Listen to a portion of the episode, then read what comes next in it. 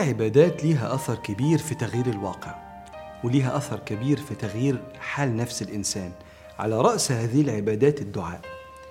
ربنا سبحانه وتعالى قبل ما يخلقنا تكفل بمصالحنا هو الولي الذي يتولى شؤون العباد بتحقيق ما ينفعهم. هو المدبر اللي بيرتب بحكمته ما يحقق المنافع ويحجب المضار. وهو الوكيل اللي بالنيابة عنك بيأتي لك بحقك. هذا شأن الله معك هو في كل يوم لا تأخذه سنة ولا نوم كل يوم هو في شأن. وتأكد يقينا أن ما في صالحك الآن بيحدث وسيتحقق بإذن الولي الوكيل المدبر. لكن ربنا سبحانه وتعالى خلق لنا احتياجات عشان ندعي حتى يكون هذا الدعاء موعد للقاء مع الله موعد للوصال. وقد شهد القرآن والسنة إن الواقع إن بعض الناس لما بيحقق الاكتفاء في الدنيا بيعرض عن الله. قال تعالى وإذا مس الإنسان الضر دعانا لجنبه أو قاعدا أو قائما فلما كشفنا عنه ضره مر كأن لم يدعنا إلى ضر مسه. خلاص خد اللي أنا عايزه من ربنا هبقى أرجع لربنا وقت ما احتاج له. لكن لما الإنسان يكون في حالة الاحتياج بيلبس ثوب الرجاء.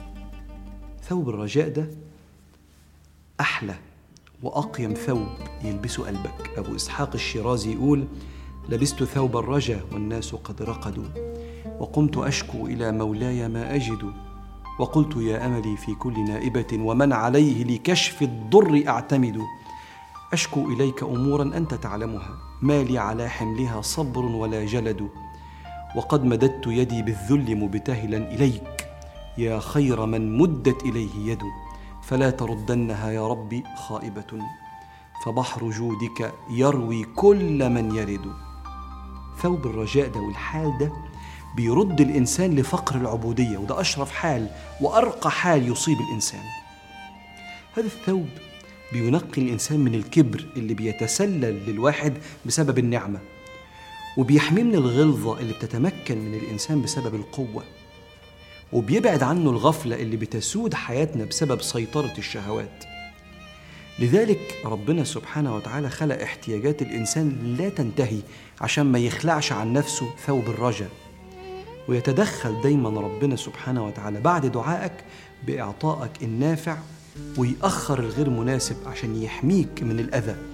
قال صلى الله عليه وسلم ما من مسلم يدعو بدعوة ليس فيها إثم ولا قطيعة رحم إلا أعطاه الله بها إحدى ثلاث. إما أن تعجل له دعوته لو فيها شيء مفيد يديها لك على طول. وإما أن يدخرها له في الآخرة وإما أن يصرف عنه من السوء مثلها. قالوا إذا نكثر يا رسول الله. قال الله أكثر. رواه الإمام البخاري في الأدب المفرد. يوم القيامة أنت هتشوف فرحتك وحمدك لربك. على دعوات مؤذية. ربنا ما استجابش ليها. وادالك مكانها حسنات هتنجيك يوم القيامة اللي مفيش تعاسة بعده. لو ثقل ميزانك. واستجابته في الدنيا سبحانه وتعالى كانت هتفرحك. لكن الحسنات في الآخرة نجتك من العذاب الآخرة. وليس هناك مقارنة. ولا الآخرة أكبر درجات وأكبر تفضيلا. والحكيم الترمذي نقل عن سيدنا كعب بيقول قال الله لموسى يا موسى قل للمؤمنين لا يستعجلوني إذا دعوني ولا يبخلوني. أليس يعلمون أني أبغض البخيل؟ فكيف أكون بخيلا؟ يا موسى لا تخف مني بخلا أن تسألني عظيما. ولا تستحي أن تسألني صغيرا. اطلب مني الملح في الطعام والعلف لشاتك. يا موسى أما علمت أني خلقت الخردله فما فوقها؟ وأني لم أخلق شيئا إلا وقد علمت أن الخلق يحتاجون إليه. فمن يسألني مسألة وهو يعلم أني قادر أعطي وأمنع أعطيته مسألته مع المغفرة. فإن حمدني حين أعطيته وحين أمنعه أسكنته دار الحامدين. فلا تخلع عن نفسك ثوب الرجا وخليك كثير الدعاء. ادعي بعد الصلاة. وادعي من غير ما ترفع إيديك وانت في المواصلات. وانت سايق. كان النبي صلى الله عليه وسلم يمسك خطام الناقة بيد ويدعو باليد الأخرى. وهو ماشي راكب على الحصان بتاعه. ادعي باحتياجاتك الكبيرة. واطلب من ربنا أبسط طلباتك زي ما الصالحين والأنبياء كانوا بيعملوا. سبحان الله سيدنا عروة يقول أطلب من ربي كل شيء حتى الملح في الطعام.